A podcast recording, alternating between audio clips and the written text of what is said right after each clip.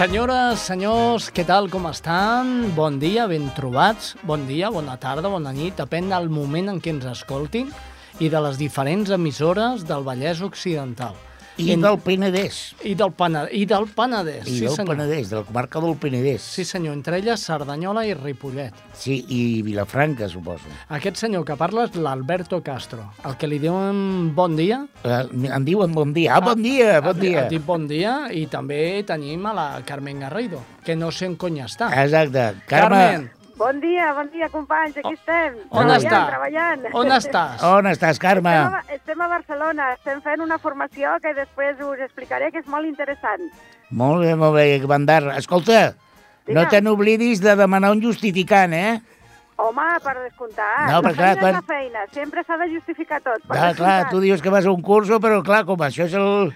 Igual vas de compres por ahí, eh? Per... Claro, sí, sí, la, la, la prèvia de Nadal, la prèvia de Nadal, estem preparant els regals. No, no, Perfecte. estem treballant i després us explicarem més eh, àmpliament, que és molt, molt interessant tot això que estem fent. Perfecte. Do- doncs la Carmen Garrido, que també ens acompanyarà, encara que sigui des de la llunyania, però ens acompanyarà i qui els parla, en nom de tot l'equip, el Xavi Casas.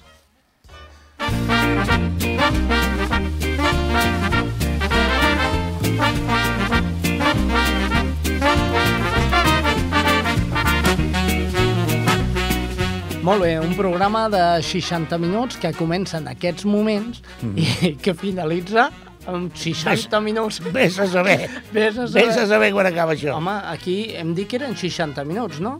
Eh, sí, però escolta, escolta, Xavi, Escolto. jo sé que tu ets un gran professional de la ràdio, No pas. però has fet, has fet dues errades Ja. de, de primero de ràdio. Eh? Segurament que... No has saludat el Jordi Puig, que és el tècnic. No, però el Jordi Puy ja anava ara, després de... Ah, vale. Senyor Puy, bon dia. Bon dia, bona hora. Mira, el Bon dia, tenim allà. No parla perquè el tenim allà tancat. No parla perquè si parla cobra més. I l'altre... Entens? Ai. I també tenim gent aquí. amb els diners, eh, que estem a final d'any. Ah, No mira la ser. Carme, mira la Carme aquí, No, no, punyetera. Es nota que és catalana, eh? He sentit parlar de diners i ja està preocupada. Mira, Home, pa... hem de quadrar, hem de quadrar el pressupost. aprofitem que tenim la Carme Sí. i que ens expliqui què fa. No, no, encara no. Encara no? Encara no. Pues jo, no? jo No- vull no que sí. deixeu? Jo vull que sí. Ja ja ens pot parlar o passem del sumari? No, No, no, jo ho faig en titular pel sumari i després ja, eh, quan en toqui, farem l'extensió. Jo estic fent un curs aquí a Vilafranca, ai, perdó, a Barcelona, disculpeu, disculpeu, eh, que és sobre l'assistència personal. Eh, sí, sí, sí, això està, és molt interessant. A través de la Federació ECOM, que és la federació que dona atenció a les entitats que treballen amb la discapacitat física a nivell de Catalunya i de l'estat espanyol, eh, té la competència aquí a Catalunya i de, dona aquest servei i aquesta formació a les entitats per gestionar el que és l'assistència personal a persones amb discapacitat. Molt bé, Carme. Tot això és molt tema. interessant i ja entre tots ens volem tenir bons professionals i que tot això rulli i poder donar un bon servei a, a tots els companys amb discapacitat i les seves famílies. Eh, ho farem d'aquí una estona. Una estoneta, sí. Una estoneta, Sí, sí. sí, sí, sí, Aguanta aquí, aguanta el Ah, telèfon. Aguanta, Carme, perquè ara hem de fer el sumari, no? Molt bé. El xumari hem de fer. Doncs, Vale, vale. Hem de fer el xumari. Això ja formava part del sumari, company. Eh, Bueno, no, però per nosaltres és... Tu, Sí, és ja que- m'entén, ja m'entén. És el cava que tenim aquí, m'entens? Vull dir que... Ah, comença a fer Nadal, estragos. el Nadal que ja arriba, no? Ja olor a Nadal. La festeta, la festeta. Oi, oi, doncs, oi. a veure, sumari, Alberto Castro, va. Ah, faig jo el sumari. Ah, clar. Oh, que bé, mira, quin, quin honor. Ah. Bueno, no, el sumari del programa d'avui d'Entre Tots, entre altres coses, a banda de, del comentari que farà la Carme, que ja ens ha fet una mica un abans d'aquest curs de, que fa a través de com d'assistència personal, doncs també parlarem una mica de tot allò que va passar el dia 3 de desembre, és a dir, el Dia Internacional de la Discapacitat. Què et sembla? Em sembla perfecte. Molt bé. Però és que, a més a més, i aprofitant que tenim aquí el Toni Puparelli, també parlarem de l'altra economia. Uh, Toni, bon dia. Hola, bon dia. De què ens parlaràs avui? Avui sobre el dret a l'habitatge de les persones amb discapacitat, que pot semblar que no és un tema econòmic, però realment és molt important en l'economia d'una persona i d'una família. Molt bé, molt bé, molt bé. També tindrem la secció de l'Eugenio Sánchez, l'altra mirada, que avui ens parlarà sobre la mesa unitària del sector social. Un tema també molt interessant. I avui estrenem una secció nova. Sí, sí, sí. Eh, poca Sí, broma! sí. Molt bé, molt bé. Sí, sí. A- Avui estrenem una secció que es diu Els fogons de la Pili. Hola, Ole! Pili, bon dia. Buenos días, lo que pasa es que yo no soy ninguna chef, ¿eh? No. ¿Cómo que no? solo una cocinera. No, Bueno. una No, cocinera, pues poca pero broma. nada de chef, nada. Ei, perdó, perdó. Tornem a començar, eh? Ah, vale, és a dir, vale. no, no. Avui ens acompanya la Pili, que és la chef de l'Entretots. Sí, senyor, bravo, Muy bravo. bien. Molt bé, molt bé. Eh? Bueno, Muy la, bien, gracias. la Pili, ens, com a bona chef, Sí. i dintre dels seus fogons ens, eh, nos haràs una receta, ¿no? Sí, una ¿Qué, receta. qué, qué, qué, qué nos vas a...? Unos lomos de merluza con salsa de almendras. Ahí queda eso. Oh. Això, això és perquè anem agafant gana ja, eh? Eso además para Navidad puede quedar muy bien. Ah, Molt bé, i si encara tenim una mica de temps, sí, parlarem del que diuen les xarxes sí. i tu, Xavi, també ens portes reportatges molt interessants, no? Sí, senyor, però ja us el, ja us el passaré. Ah, És molt que n'hi ha tants que ets d'escollir De rabiosa actualitat. i prefereixo esperar-me, Albert. doncs bé, tot això serà el sumari d'aquest enorme programa que es diu Entre Tots. I que comença amb 3, 2 o 1.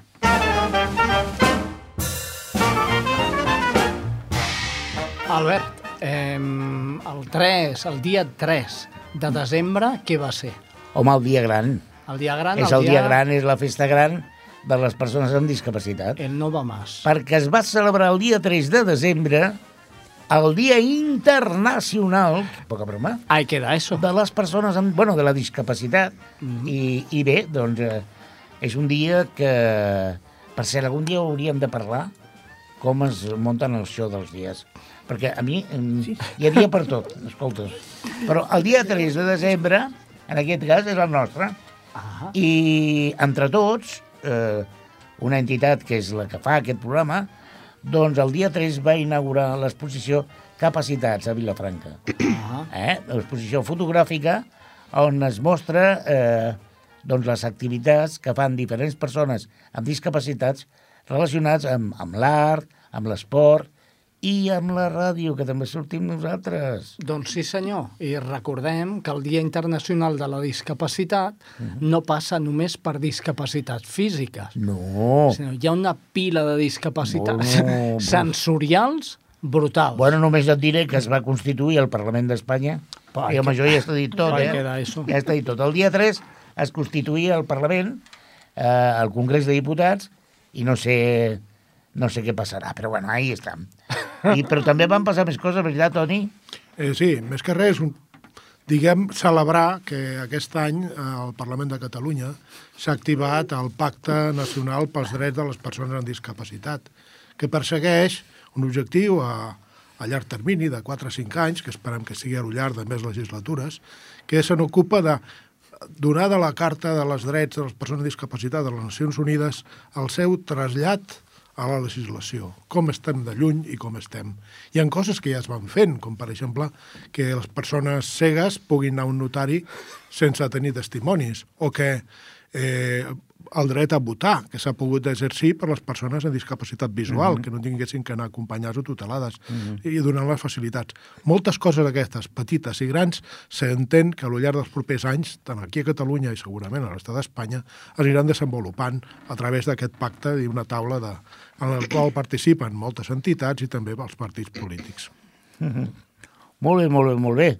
Com veieu, hi ha molta feina a fer, perquè molta gent va pel carrer, veu quatre guals i, i el símbol del, de la discapacitat als autobusos i pensa, vinga, ja està, no? Hi ha molta, molta, molta, molta, molta feina a fer. A mi em fa gràcia això. Em fa Com, com gràcia. que fa gràcia. Em fa gràcia. Però Porta això- el signe de discapacitat a l'autobús. Bueno, ja està. Llavors, eh, com no funciona la rampa, perquè no funciona la rampa, bueno, no totes les poblacions, funciona la rampa, baixa el conductor, extreu la rampa de manera manual i accedeixen les persones amb discapacitat. Que, per cert, que està aprovat ja que a Barcelona hi ha un pla perquè eh, les persones eh, usuàries de scooters puguin accedir a l'autobús i al metro i a la Renfe Bueno, lo de la Renfe encara no, no està molt claro, però l'autobús i el metro que puguin accedir amb les seves scooters. Això fins ara no ho podien fer. No, no, és realment el tema del, de l'accessibilitat al transport públic és, una, és un problema de, de primer nivell i crec que tard o d'hora ens hauríem de posar seriosos en aquest tema, perquè no és només... És a dir, la primera dificultat és arribar al, al vehicle que et transporta, Sí, sobretot en el ferrocarril. Mm -hmm. Aquesta és la primera dificultat. I a partir d'aquí, a l'entrar-hi dins. I entrar-hi amb dignitat, perquè a vegades eh, te la jugues una mica. El, el metro, el, sobretot els ferrocarrils, eh, tant Rodalies com a, com a, com a Renfe. El, els autobusos eh, estan mal solucionats. El metro, eh, el metro depèn de l'estació, mm. depèn del, del vehicle que portis tu, és a dir, no és el mateix entrar-hi amb una cadira elèctrica que té una certa potència a entrar-hi amb una cadira manual que, perquè no està ben resolt a l'accés de l'andana fins al dintre del, del vagó del tren, no? I crec que és un tema que, que ja comença a ser flagrant. Jo crec que tècnicament és absolutament fàcil de resoldre, eh, potser en el tema de ferrocarril és Clar. una mica més complicat, Car. però s'ha de fer. Sí. L'excusa no pot ser No, no, els no. calés, eh? No, està clar. Ai, Déu meu senyor, que hem de patir. Home, jo vaig preguntar Sí, sí. per poder pujar a la Renfe eh, com a persona discapacitada i m'han dit, ah, sí, sí, però vostè ha de trucar-nos amb un dia d'antelació i preveure que vostè anirà amb el tren. I tant, home. Perquè t'han de posar un aparell que t'ajuda a pujar al tren i això és l'hòstia envers. Molt bé, bueno, continuem amb el sumari, amb aquesta, amb aquesta sabor de boca que ens has deixat. Ai, Mira, eh, jo crec que ens han d'alegrar una mica el dia la Carme Garrido. sí.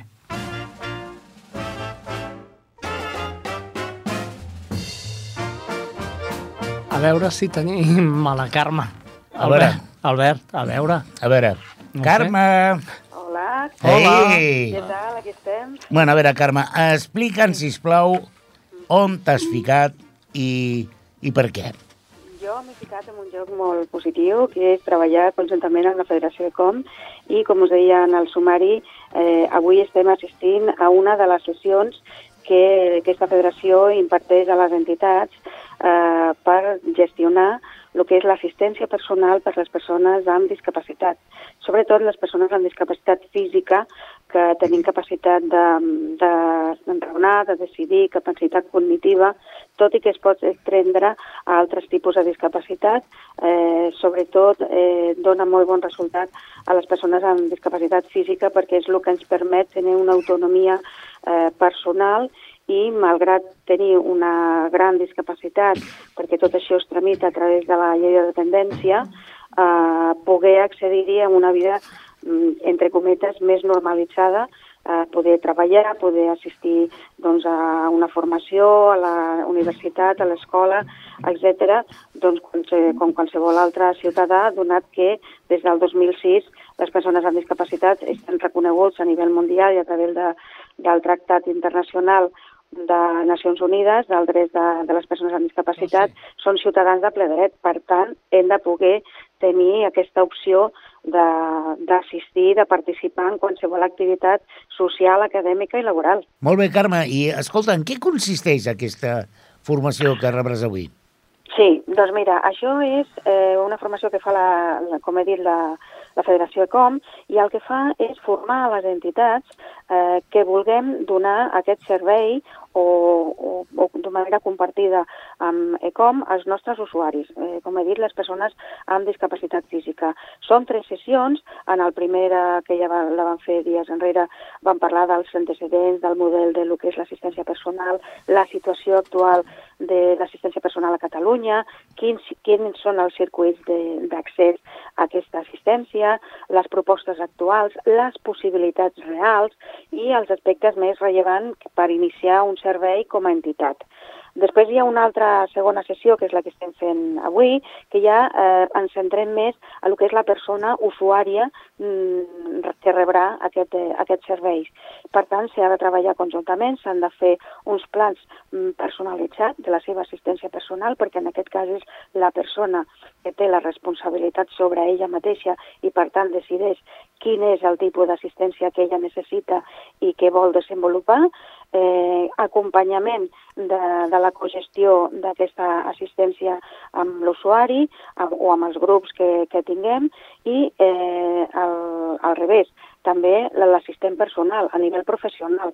Eh, és un professional que s'ha de contractar, s'han d'elaborar uns processos de selecció, se li ha de formar eh, concretament per a, per a aquest tipus d'assistència i s'han de tenir en compte tots els aspectes eh, laborals.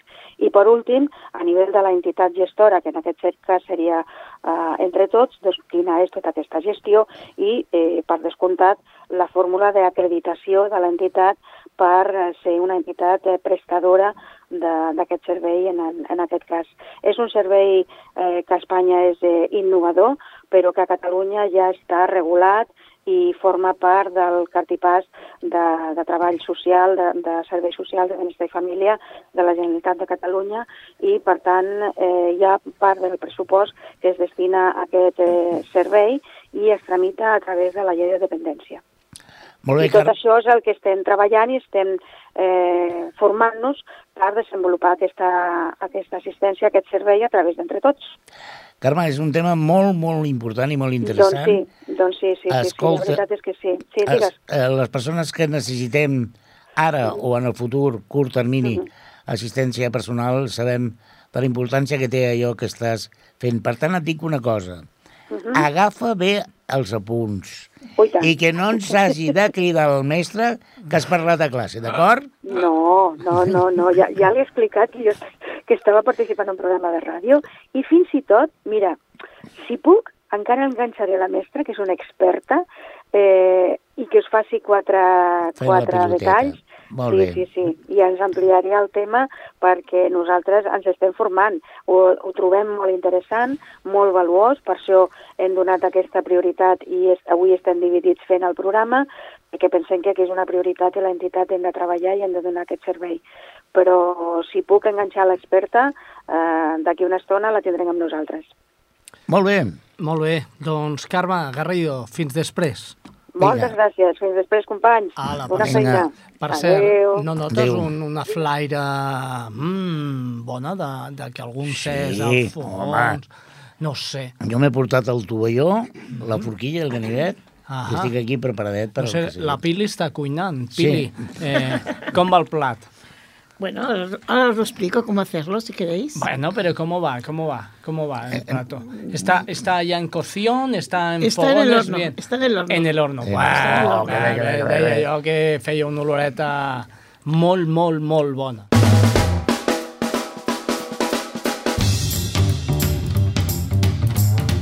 Ai, ah, no, no sé. Escolta, jo tinc una cara ja. Tinc una bueno, cara que no, no tranquilos. Esta Ay. mañana he ido al, pla- al mercado y he comprado merluza. He hecho, me- le han hecho unos lomos deliciosos, así alargaditos, bien limpios, Sí, y los voy a cocinar al horno con una salsa de almendras. ¿Os parece bien? Bé. Bueno, lo estoy haciendo ya, ¿eh? eh, por mi perfecto. Danos detalles que jo vull tomar. Amb valor que fa, nota, amb nota. que fa, ja pots prendre, prendre nota. Jo ja prendré el plat, tu pren nota. Jo prenc eh? Eh, La, la merluza, hombre, yo la he cogido bastante grandecita. Luego mm, cojo una cebolla grande o dos cebolletas pequeñas, eh, más o menos. Un paquete de almendras tostadas sin sal. eh, aceite, pimienta, sal también. Un bote de, de leche evaporada o crema de leche. Ajá. Con todo esto tenemos bastante. Yo lo primero que hago siempre es en una sartén poner la, la cebolla a que se poche, pero muy pochada. Yo no tengo, no tengo, tengo mucha tranquilidad. O sea, me quedo el rato que haga falta que esté, hasta que esté totalmente pasada. Que ja agafi aquest Sí, coloret. sí, que no, que no se note nada, nada, nada cuando lo comas. Solo lo- el olor. Y entonces, cuando ya I, está, i, I les espines, la, les has sacado ja? Home, espera, tio, cal estar amb la seva. Ah, no sé, no sé. Continua, val. continua. cuando te hace el, el- el pescatero, cuando te coge la, la merluza y te la abre, Sí. te la abre de arriba abajo, te saca todas las espinas. Bueno. Porque te quita la, la espina del medio, Sí, merluza, la grande, ¿no? claro, La espina don- dorsal. la espina del La espina medio. bífida. Y a los lados también ya la saca, porque al abrirla ya la saca. O sea que no te, no te queda espinas. Es ahí, tenim, en la sartén tenemos la cebollita, pochadita, muy En- pochadita. es en una, no sé, en una olla, o sea, en un- una bandeja de aquellas de horno, he puesto debajo un poquito de aceite, he puesto la cebollita ya toda bien, bien pochadita y las la merluza con sal y pimienta. Sí, sí, sí, sí, molt bé, molt bé. O sea, Antonio, Antonio, si puedes hablar, ¿eh? no, no puede Puedes hablar, está, está salivando, está, está salivando, pero lo veo haciendo Bueno, ¿cómo gestos, no? lo veo haciendo gestos. No, solo y- decía con la piel boca abajo. ¿no? Ah, sí, Ah, sí, hombre, claro. Hombre, hombre. Menos mal, menos mal que tenemos a Menos Antonio, mal. ¿eh? Menos mal, Antonio. Claro, es que él me ha visto cómo lo hago. Ah, te ha visto, claro, por eso Claro. saliva. Es decir, ponemos una camita de De cebollita, cebolla muy, muy pochadita y un encima poquito de aceite y el- los lomitos con la piel hacia abajo. Esto mismo. Y, en- y entonces eh, con- hemos cogido las, las almendritas bien tostaditas. Si no están tostadas, las tostamos nosotros un poquito y las machacamos bien. O, es- o las machacamos con un mortero o en una picadora. Bueno, lo que sea más fácil. Sí, la picadora a veces queda demasiado destrocido. Entonces a mí me gusta más con que, que se note. El trocito Que ese. dentro. eh, Se noten que los trocitos. Al que se te pica dentro de los dientes. Eso, eso. Sí, sí. Bueno, pues el caso, una vez esto, las ponemos por encima de la, de la merluza con, el- con la crema de leche. Oy, oy, oy. La crema de leche y al horno y ya está. ¿Y el horno a qué temperatura? A 180, pues unos 20-25 minutos. Arriba y abajo. Y ya está. Això Ahora, és el plat que avui ens porta la Pili. La Pili. Eh? La Els Pili. fogons de la nostra, Pili. Els fogons de la Pili. De la pila. Bueno, No, forn, fogones forn. y- y los hornos. Y al forn, sí. claro. Bueno, pues oye, eh, encara queda, ¿no? Mira, ¿sabéis lo que podemos hacer también? Poner unas gambitas así al lado, porque unas gambitas así dentro también podrían estar la más de buenas. Oy, oy, oy, oy, oy, oy, oy, oy. Mare de Déu, senyor. Just when you're sure of one you find, she's gone and Molt bé, doncs això sí, no, parleu, parleu, cap problema, eh? Cap problema, si Los platos parleu. sencillos, sí. No passa res. No, pero están buenísimos los platos sencillos. Mira, la sopa de ajo. Que mira Ay, que encanta. está buenísima. A mí me encanta. La sopa de ajo. La sopa de ajo. Dia, eh, sopa de ajo. Sí, o sopa Es muy castellana. fácil, ¿eh? És muy fàcil. Ah. Demasiado. Bueno, va. Bueno, escolta, mm, Pilar, gracias, pero controla que no, Que no se que queme. no se queme, ¿eh? Ay, madre Déu, ¿cómo nos vamos a poner hoy? Madre Tio, mía. tu saps el tema de tenir un pis val calés, no? Uy, si va el calés. Uy. Lo Home, que dice sí. la otra. I tant do. Doncs l'accés a pisos de persones amb discapacitat Sí. és que és ric perquè són molts discapacitats i tots Sí. estem pagant pis encara. I tant. Mm, El dret a l'habitatge, no? És Deies? important, el dret a l'habitatge de les Doncs persones. escolta, el Toni, em penso que d'això en sap un gravat. Què et sembla si parlem amb ell? Doncs parlem amb ell, Toni. Toni, Toni què? Hola. Què ens has de dir d'això? Hola, bueno, una mica m'he informat del, del món de la discapacitat, també ho conec per, per la família i, pel, i, i pels temes que em bellugo, no? entre tots. La dificultat que hi ha a qualsevol persona per trobar un habitatge adient als seus ingressos i, en els seus, i allà on vol viure, perquè això també és molt important, allà on vols viure, i imaginem això en el món de la discapacitat. Primer perquè hi ha molts pocs habitatges adaptats, tant públics com privats. Ah, Per tant, i això dificulta que una persona amb discapacitat pugui accedir a viure allà on vol, en el poble aquell, allà on no sé què, o es posa en un projecte de d'embarcament, de- de- de- d'adaptar la vivenda on viu, perquè pot haver sigut sobrevinguda, la discapacitat, o bé perquè vol desenvolupar una carrera o una activitat professional en un lloc concret i la dificultat que troba per obtenir un pis. Hi ha molt poca oferta en el mercat de, de pisos de vivendes adaptades i, per tant, això representa una dificultat. Si això li afegim, i aquí amb una visió de tipus econòmic, mirant-ho, i bueno, i quan costa? No parlo del que costa, sinó que moltes vegades les persones amb discapacitat tenen uns ingressos de mitjana més baixos que la, que la mitjana normal. I si ja per una persona ingressos mitjos li costa molt, inclús han de sumar diners de les, de les, els ingressos de, de més d'una persona per poder accedir, de la parella, pares i fills, etc. Imaginem el món de la discapacitat encara, encara més difícil de trobar. Moltes vegades inclús hi ha una solitud a persona que viu sola i vol ser independent, a la qual encara li costa més d'accedir-hi per, per un nivell baix d'ingressos. No? Per tant, vull dir, és una problemàtica particular i especial de la, la que hi ha en aquest món. Més enllà, inclús, del, del que diem del normal dret a l'habitatge.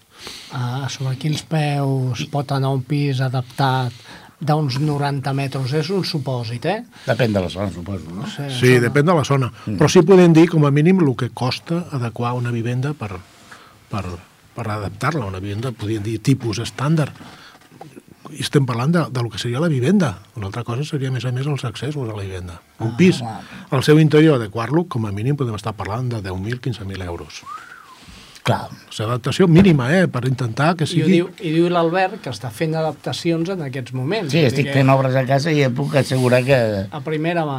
Exacte, exacte. Sí, perquè a vegades, i perdona, Toni, el, el, el, no, el que deia és, té molta raó, no? Els pisos estàndards, eh, que ja són petits de mena, eh, per a una persona que vagi en cadira de rodes, com és el meu cas, l'amplada de les portes és molt important, perquè les portes normalment fan 70 Sí. centímetres de- d'amplada.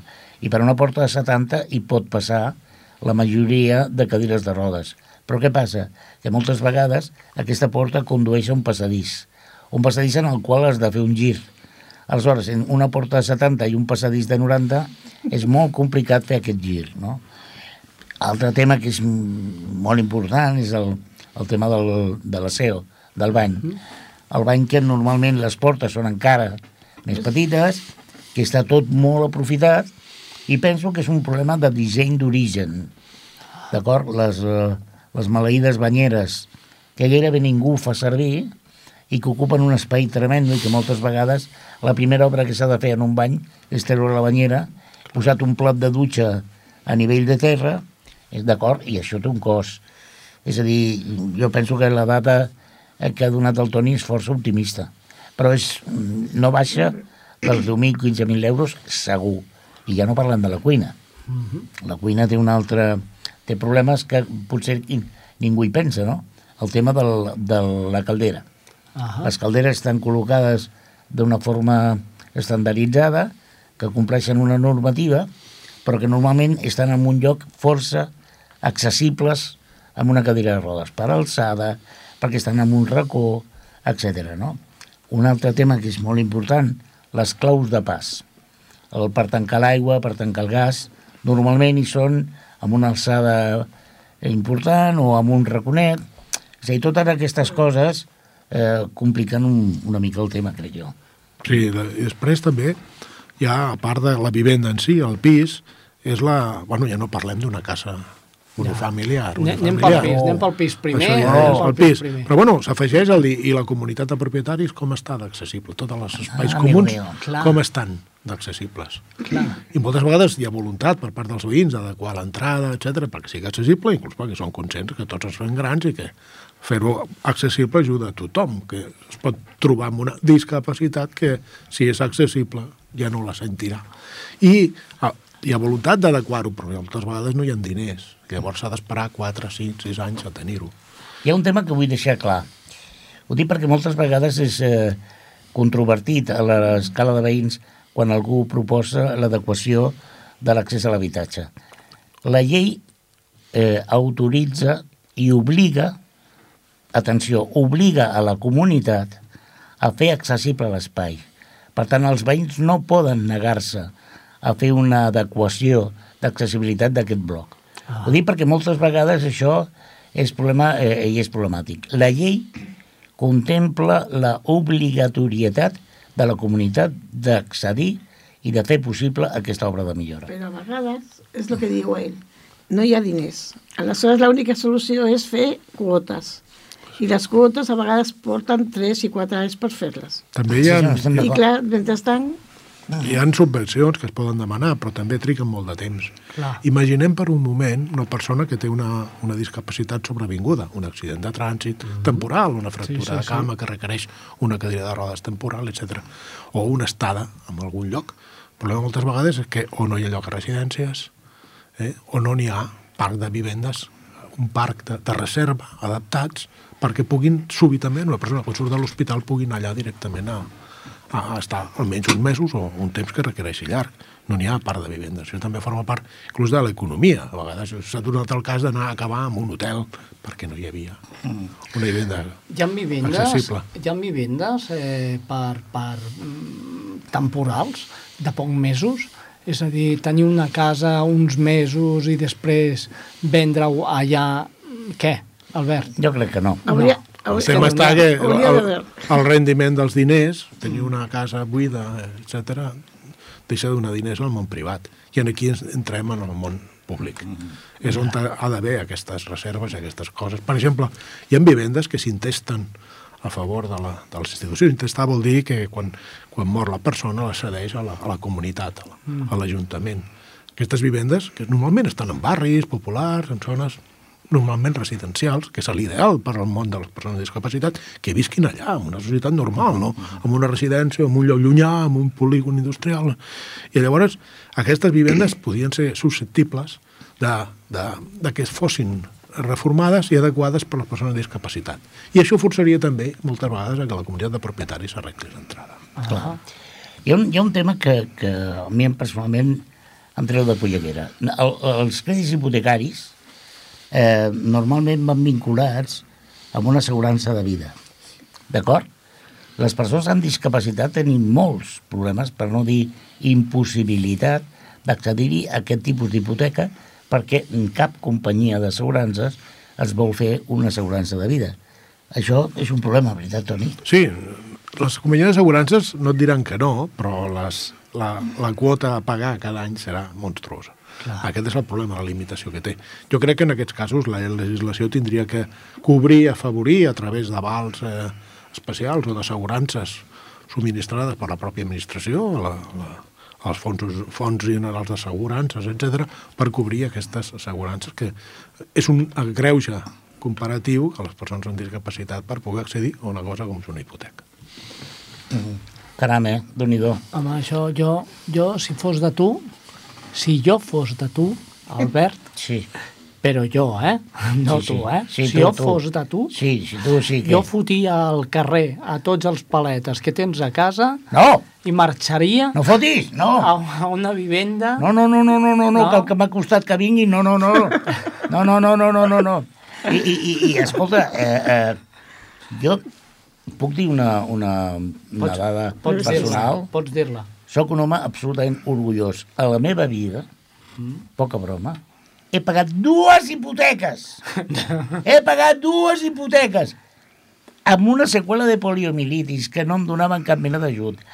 Eh, bueno, és increïble. Vull dir, perquè jo sóc una persona afortunada que he pogut desenvolupar una feina eh, com qualsevol altra persona amb més dificultats, i això no és victimisme, és simplement informació, però eh, hi ha molta gent que no té accés a una feina que el permeti desenvolupar una vida. I abans, el Toni feia un comentari a, a micròfon tancat que penso que és molt important recuperar-ho, que és aquelles persones que han de viure en pisos eh, tutelats i que no tenen aquesta llibertat de desenvolupar la, la seva vida, no? en pisos tutelats o en residències, món residencial. Hi ha un procés dintre del, del, del, dels drets de les persones amb discapacitat, de la ONU, hi ha un, un apartat molt concret que parla de la desinstitucionalització de les- de l'assistència. Ah, El dret de la persona perdona. a viure independent. Perdona, Toni, recordem que quan el Toni feia referència a la ONU, estem parlant de la llei o del, del el que va publicar el 2006 la ONU eh, declarant els drets de les persones amb discapacitat. Ho dic perquè, perdona que t'interrompeixi, però va bé que l'audiència sàpiga que hi ha una, una declaració de la ONU eh, que parla dels drets de la persona amb discapacitat. Sí, no? I aquesta, aquesta llei, no, no és llei, és recomanació i tal, però els països s'adhereixen. Espanya està adherida i cada cinc anys hi ha un inspectors o controladors o revisors, auditors de les Nacions Unides que venen a cada país a verificar com està de, el compliment de trasllat de les lleis d'aquests preceptes i els drets de les persones amb discapacitat, i entre elles aquesta. El tema de la desinstitucionalització, que em sembla una paraula molt llarga, simplement vol dir que la persona tingui dret a no viure en una residència, pugui, si pot portar un projecte de vida. En aquell enllaçaríem en el que, el que ha parlat la Carme, de l'assistent la, de allà on es pugui fer una assistència personal, què millor que a casa seva, on pugui fer un projecte vital on, i no sigui una persona eh, que depengui absolutament a 360 graus en una residència i que pugui, li costi més de poder aportar un valor a la societat, que al final de tot és la satisfacció de les persones de poder fer alguna cosa pel bé de tots. Molt bé, Toni. Eh, no trobeu a faltar algú amb aquesta taula? De fet, no ha vingut. No ha vingut mai ningú amb aquesta taula que es digui Eugeni. Ah. Però l'Eugeni el tenim també, eh? I Ah. tenim, si voleu, escoltem què ens porta avui l'Eugeni. Doncs endavant. Què tal, Xavi? Què tal, Alberto? Com esteu? Doncs la notícia que us porto avui és la creació de la Mesa Unitària del Sector Social i d'Atenció a les Persones, que va tindre lloc el passat 18 de, de novembre. Aquesta presentació, eh, en la qual es va llegir un, un manifest doncs, pels portaveus dels, dels diferents agents del, de l'àmbit. És important perquè amb aquesta taula estan representats tots els agents. Quan dic tots els agents vol dir des de la patronal, la Confederació Empresarial, fins als sindicats o als diferents col·legis professionals. Eh, Entre altres coses, una de les portaveus deia és molt raro que en un sector doncs, patronal i sindicat vagin junts, no? Doncs clar, però ells diuen que, en fi, que estan en una situació d'emergència que eh, doncs és el que ha fet que, que, que ajuntin i facin aquesta, aquesta mesa unitària del sector social. Quin és el primer objectiu? Doncs el primer objectiu precisament és garantir la cobertura d'aquests serveis, que aquests serveis es puguin fer en la suficient qualitat i sostenibilitat de les seves empreses i entitats i altre dels objectius que segons van dir pel qual van néixer és per lluitar-hi en contra de la precarietat laboral que molts dels seus treballadors pateixen en el, en el sector. Una vegada dit això, què proposen com primera mesura? Doncs la primera mesura és la necessitat vital d'uns nous pressupostos pel, pel 2020. Per això hi estan el govern i els diferents partits doncs perquè comencin ja les negociacions del, del, del, dels pressupostos i una vegada es negociïn la mesura que ells eh, proposen és la d'incrementar la d'incrementar la inversió en l'àmbit de social i del tercer sector perquè segons diuen ells estan patint ja fa més de 10 anys un infrafinançament que òbviament els té, els té doncs, en una situació molt, molt delicada. Ells diuen que s'hauria de passar d'un 0,5 del PIB català, com, com s'està invertint en l'actualitat, a un 2% del PIB català. I per què? Doncs, per exemple, per dotar de recursos eh, a lleis com ara la llei de dependència o la renda garantida per la ciutadania o la llei de drets i oportunitats dels infants i adolescents a, a Catalunya. La seva fita final, per la que ha nascut aquesta taula, és la de consolidar com un pilar juntament o al costat de sanitat i, i de l'educació doncs un pilar fonamental i estratègic del benestar, del benestar a Catalunya. Aquesta és la seva fita final i aquestes són les seves propostes. I aquesta també és la notícia que jo us he portat avui. Una abraçada i fins la propera.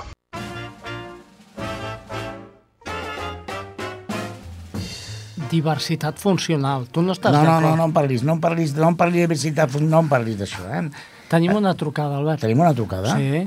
Hola, bon dia.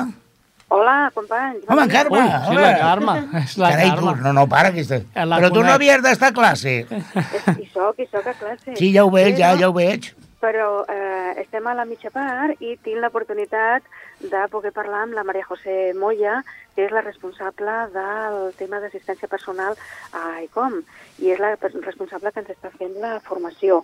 Per tant, és, mm, és important i val la pena que li pugueu fer quatre preguntes en breus perquè hem de continuar la formació i, i ella us explicarà amb molts més coneixement i experiència, que és el que estem fent avui. Us passo amb la Maria José Moya, d'acord? Molt bé, perfecte.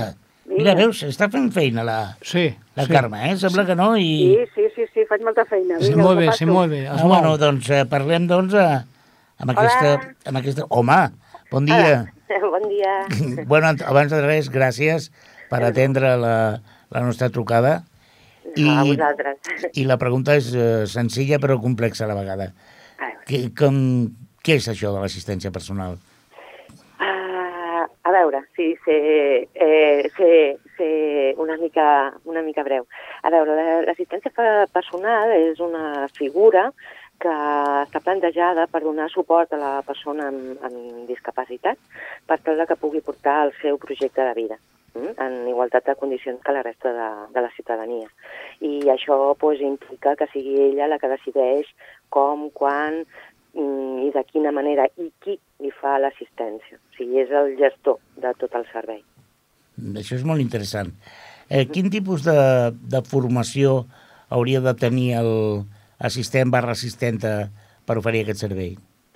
La formació és un tema com molt polèmic perquè estem molt acostumats a que, a, no, a que la qualitat dels serveis passen per una formació molt complexa, a la que hi ha tot el tema que té a veure amb aspectes sociosanitaris, perquè la persona estigui ben cuidada, perquè, no? I, i en aquest cas és un, fem un canvi de paradigma, no? perquè aquí el coneixement en relació a tot el que té a veure amb la persona ho té la persona. Per tant, la formació que ha de tenir un assistent personal és bàsicament aquest canvi de mirada envers la discapacitat, l'empoderament de la persona, el poder saber-se col·locar en un segon mm, pla, no ser interventor, interven... bueno, no? poder intervenir massa a la vida de la persona perquè ella és la protagonista de la seva vida i, òbviament, doncs, bueno, alguns aspectes que tenen a veure doncs, amb temes més funcionals, no? de cures bàsiques, mobilitzacions, però, en tot cas, serà la persona eh, usuària d'aquest servei la que determinarà quin, quin, què necessita de l'altre. No?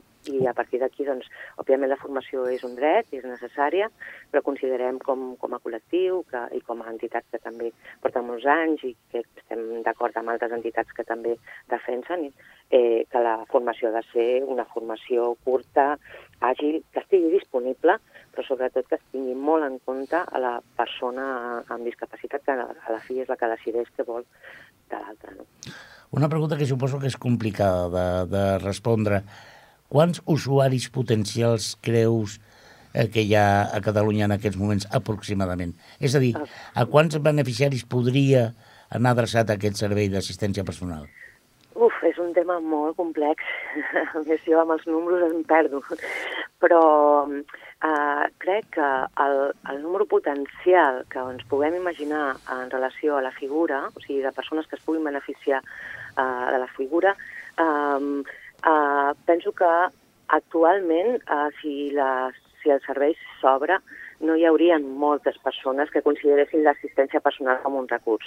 I, i, I no és perquè no sigui el, important o perquè no sigui el recurs que millor garanteix la qualitat de vida, sinó perquè és un recurs que encara no es coneix, que hi ha moltes persones que estan eh, en un moment determinat de no plantejar-se aquest canvi no? i d'empoderament, i que, però, però a la llarga ha de ser el servei estrella perquè és a, realment el que, el que dona solidesa a, a la Convenció i als, als drets de les persones amb discapacitat. No? Senyora Moya, eh, estem parlant molt de, de l'assistent personal, però les persones que poden accedir a tenir un assistent personal, quines característiques concretes ha de tenir?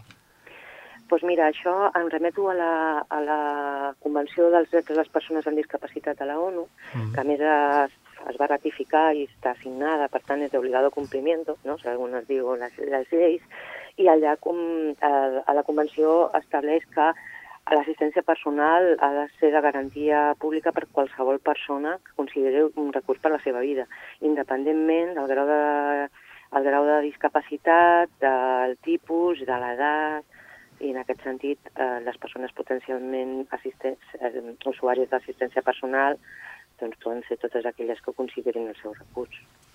En, a veure, eh, eh, jo sóc usuari Uh -huh. eh, de discapacitat. Mm, vale. Posats a posar noms diferents, veritat, doncs... eh, Sí, doncs és el teu. Jo, no, jo sóc una persona amb discapacitat i, a més, amb un grau important. Eh, quan jo sento parlar de l'assistència personal, mm, mm, tinc una sensació orgàsmica, perdoni'm l'atreviment. Ho dic perquè és el servei de màxims, és a dir, jo penso la quantitat de coses que no he pogut arribar a fer per no disposar d'aquesta figura, no? Per tant, la pregunta és molt concreta, és a dir, és un problema econòmic o és eh, un problema ideològic? És a dir, no hi ha més assistents personals perquè no hi ha diners per poder-ho subvencionar o és perquè no ens encabem de creure el model? Sí, jo crec que és un tema més de... És un, és un tema més de desconeixement i de i d'aposta política, més que, més que, que de diners. No? O sigui, en aquest sentit, els recursos doncs, eh, bueno, és col·locar el foc on estan. No? Fins ara també és veritat que hem de fer un procés, no? i és un procés de que venim d'un model mèdic rehabilitador i ens hem d'anar no? incorporant altres fórmules no? i sobretot col·locar la persona en el centre. I si les persones considereu que això és el que voleu, doncs les, bueno, pues, eh, s'ha de creure, no? s'ha de creure que ha de ser així. No? Llavors els recursos que fins ara doncs, estaven destinats a serveis que estan molt més encursetats i que no de- dissenyats per la persona, doncs hauran de col·locar-se en altres llocs. No? I, òbviament, el lloc on s'han de col·locar en aquest cas és l'assistència personal, perquè, a més, eh, bueno, com deia abans, doncs, eh, ha de ser de garantia, no? Tal com comenten la, les, les lleis. Podríem dir que un assistent personal eh, dissol, entre cometes, la discapacitat? És a dir, podem dir que una persona amb un assistent personal és una mica menys discapacitada? Uh, podem dir que una persona amb un recurs, amb tots els recursos que necessita, uh, és una persona amb la seva diferència, uh, però no amb, un, amb desigualtat per la seva diferència. Jo, jo quedaria així. Doncs, senyora Maria José Mollà, eh, agrair-li moltíssim la seva intervenció en aquest programa i, sobretot, agrair-li en nom del col·lectiu eh, que, que aneu per, aquesta, per aquest camí, per aquest, per aquest objectiu, perquè penso que tots els que d'alguna manera o d'altres estem implicats eh, agraïm aquest esforç. Moltes gràcies. Moltes gràcies a vosaltres. Adéu. Passi, passi un moment a la Carme, Sí, que sí, ens copia de. Gràcies. Carme, Carme, Què tal? Què ah, tal? cobraràs aquest mes, eh? Aquest mes Sí? cobres, eh? Gràcies. Has fet una molt bona convidada. Escolta, cap a classe... experta, eh? I tant, i tant. Agraeix-li, sisplau, a, Sí. a la senyora Moya la seva col·laboració i tu pren bona nota de classe, eh? Oh, i tant. I no Ja te n'oblidis del justificant. Ja t'ho explicaré, sí, sí, no, és molt important i és un canvi eh, que aporta mm, bueno, eh, una diferència, és un tret diferencial a partir d'ara. O sigui que és important que fer les coses ben fetes. Doncs molt bé, Carme, ens veiem. Vinga, vale, fins la Vinga, una propera. abraçada. Igualment. I dic jo que m'he deixat de preguntar-li de si és només a discapacitat psíquic o pot ser eh, psíquic, perdona. A lo millor serà convidar-la en un proper programa Jo em sembla que ens sí. És interessant. Bueno, Molt, molt bé, senyors, marxem. Ho deixem aquí? Ai, mira que maco. Ah, veus, veus? Ah. Ai, que maco, clar. Per què aquesta música? Perquè aquest és l'últim programa de l'any 2019. I ha d'entrar una Nadala. Una Nadala, mira. Sí, sí. Eh, Pilar, gràcies. De res. Ens Espero prepara- que us agradi. Ens, Molt bé. bueno, eh, jo Provem-lo. estic, Ara el provem, no? ja ho ha posat a les safates, eh, fa un olor Ho increïble. tastarem tots. Senyor Vinga. Toni Poparelli, ens veiem. Gràcies ens per haver estat avui aquí a l'espai de la ràdio. Encantat de, de l'entre tots. Gràcies i fins a la propera. Bones festes a tothom. Jordi Puig. Bones festes. Sí, tu que li demanaràs a Pare Noel? Sí, amb el Jordi eh? no pot que, parlar. Què li demanaràs? Sí que, que no pot parlar. Li dinero, he tancat dinero, que li demanarà dinero. Materialista. que li toca la primitiva. bueno, senyors, que passin vostès unes bones festes i ens retrobem d'aquí a... Uf, a l'any que ve. Ah. Por ejemplo. Por ejemplo. Bueno.